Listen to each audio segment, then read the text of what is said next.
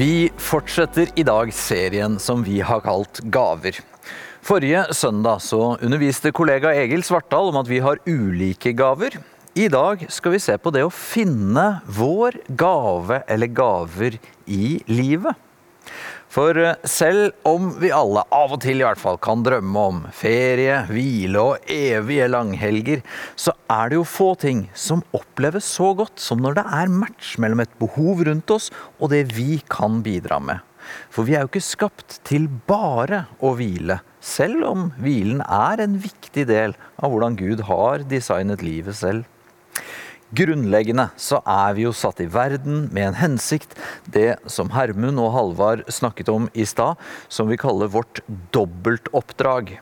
På den ene siden fra skapelsen er vi gitt å ta vare på jorden og forvalte, dyrke mat, bygge bedrifter, ta oss av syke, lage musikk, være byråkrater og entreprenører. Altså alt arbeid vi gjør enten vi får lønn for det eller ikke. Det andre oppdraget, det er det vi har fått som Jesus ga, om å gå ut i hele verden og fortelle de gode nyhetene om Guds kjærlighet som strekker seg til hvert eneste menneske på jorden. Så både å forvalte det vi har, og å forkynne, formidle det vi har fått, det er vårt oppdrag i livet. Og så sendes vi ikke tomhendte ut i dette oppdraget. Snart skal Halvard gjøre det som vi alltid gjør, nemlig lyse, eller si Guds velsignelse over oss alle. Og også over vårt oppdrag. Guds godhet. Den stille medvinden, det indre lyset, det er med oss i alt. Og i tillegg til velsignelsen så sender Gud oss med gaver. Med egenskaper, talenter møter, med hjelp, øyeblikk og muligheter vi gis for å gjøre den forskjellen som du og jeg er satt til å gjøre med livene våre. Men, men hvordan finner vi våre gaver? Hvordan finner vi våre punkter i livet der vi kjenner det er dette deilige samspillet mellom det vi er skapt til å gjøre, og behovet som vi kan fylle? For å se på dette så skal vi i dag lese et avsnitt fra den store apostelen Paulus. Og avsnittet, det begynner derfor. Eh, og til nå, i brevet som dette står i, så har Paulus lagt ut teologien i sitt virkelig sånn hovedverk. Brevet til de kristne i Rom. Ingen har med større innsikt lagt ut menneskets stilling overfor Gud, Guds kjærlighet til oss. Men nå skal Paulus bli mer praktisk, så han begynner med ordet 'derfor', fordi alt dette som er sant om Gud og oss, nå skal jeg si noe om hvordan vi kan finne vår gave og plass her i livet basert på dette. Derfor formaner jeg dere. Ordet 'formane' er på den ene siden inderligere enn bare oppfordre til. Samtidig er det mykere enn å kommandere. Paulus med sin briljante hjerne, med sin autoritet som apostel og grunnlegger av kirkene, han kunne kommandert. Men han formaner, engasjert og mykt formaner han i lys av Guds dom over menneskene, eller Guds sannhet i lys av våre feil og synder. Nei, han skriver derfor formaner jeg dere ved Guds barmhjertighet, søsken. Gud vil i sin uendelige barmhjertighet at vi skal kunne finne våre gaver i livet, og i lys av denne barmhjertigheten og godheten så formaner Paulus oss. Og hva er det så vi skal gjøre, Paulus? Bær kroppen fram som et levende og hellig offer til glede for Gud. Det skal være deres åndelige gudstjeneste. Her er vi ved noe som er ganske umoderne, men helt sant. For å finne din og min gave i livet, så begynner vi ikke, som vi nok lærer mye rundt oss for tiden, med å søke innover i oss selv. Vi begynner heller ikke først med å analysere våre egne sterke og svake sider. Vi begynner med å komme til Gud med hele oss. Og Paulus bruker et uh, spenstig bilde her. Var det noe folk på denne tiden visste mye om, så var det offer. Man ofret vanligvis dyr for å oppnå gudenes eller Guds velvilje, og et offer det var jo alltid dødt. Det lå i sakens natur og i selve ordet offer, som betydde noe drept. Men Paulus sier levende offer. Det er en språklig umulighet, men det er jo dette som er sannheten om oss. Vi er levende, frie mennesker som har muligheten og privilegiet av å legge oss selv i Guds hender. Ikke som døde dyr som ikke har muligheten til å gjøre noe, men som levende. Men det ordentlig umoderne her, det er jo ikke bare konseptet offer, men det å legge sitt eget liv i andres, i dette tilfellet Guds, hender. Altså lærer ikke vi overalt for tiden at vi skal være vår egen herre. At ingen skal bestemme over oss. Men du, bak Paulus ord så ligger innsikten at vi alle er ofret til noe eller noen. Hva mener du med det? Jo, hva er det første du tenker på om morgenen? Det kan være jobben, likes, aksjer, bitcoin, boligmarkedet, penger, kompetanse, utseende, formen din. Det går bra så lenge det går bra. Men når det går dårlig, så går alt dritt. Vi tenker ikke sånn om det, men vi ofrer oss selv for det vi lar være sentrum av livet vårt. Det vi setter vår lit til, det vi tror skal redde oss. Det kan til og med være mennesker. Et menneske vi elsker mer enn noe. Det er jo fint.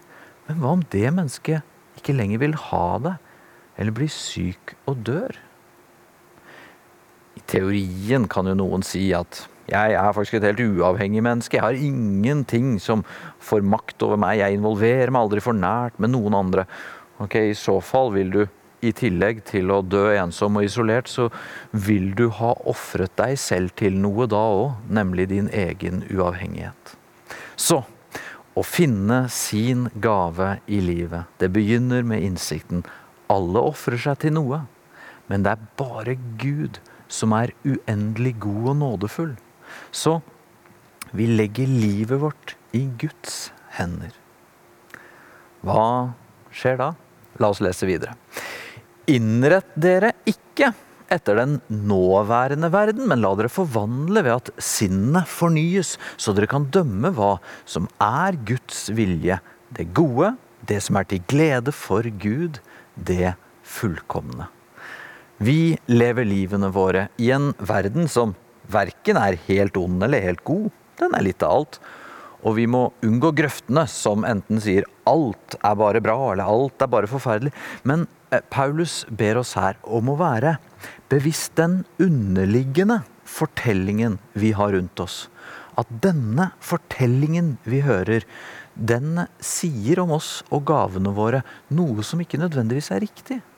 For i vår tid så kan vi si at kulturen, tidsånden, eller den nåværende verden, som Paulus kaller det, forteller oss at vi har vår verdi ut ifra hva vi får til hvor populære vi er, hvordan vi gjør det i forhold til forventningene rundt oss. Fra de som har finere hus, løper lenger enn deg, går på flere toppturer, baker både finere og sunnere kaker enn deg, osv. Og, og Paulus sier at vi vil ikke finne våre gaver i en sånn fortelling. Der finner vi bare nederlag og at vi ikke strekker til.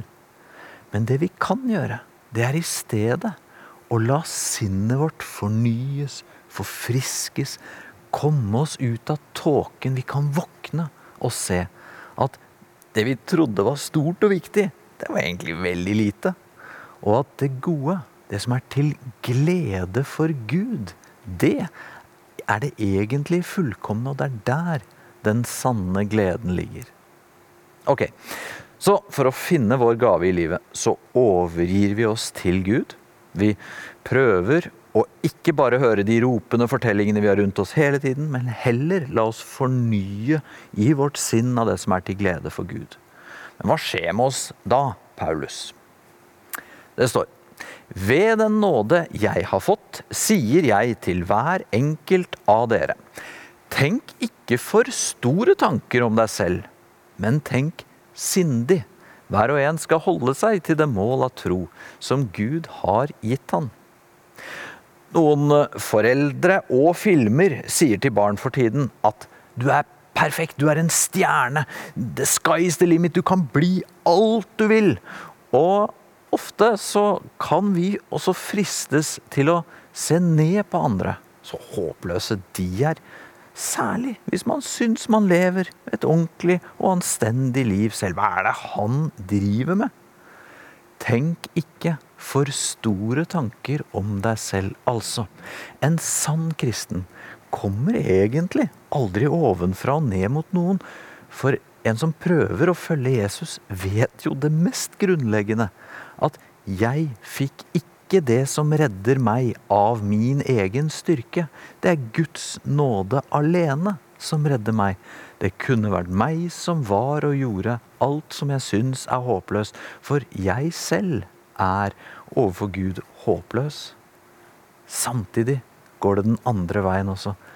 Tenk sindig, sier Paulus. Altså sant. Gud den fullkomne, evige og perfekte elsker meg høyere enn jeg noen gang kan forstå, hvordan kan jeg da tenke at jeg er ubrukelig?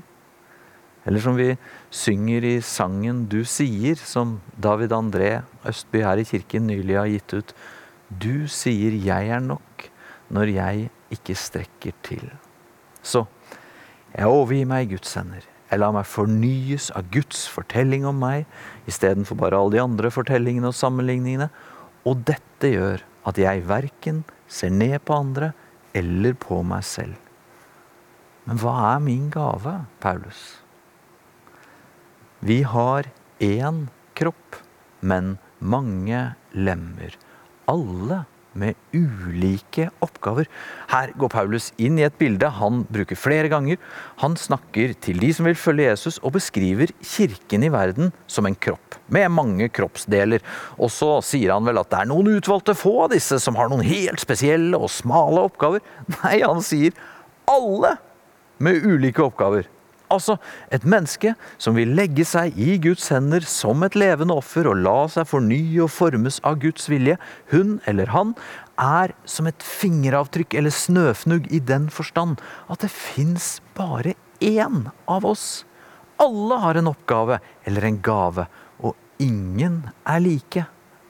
Dette skulle jeg ønske at vi kunne se storheten i, når vi prøver å finne vår vei og vår gave i livet.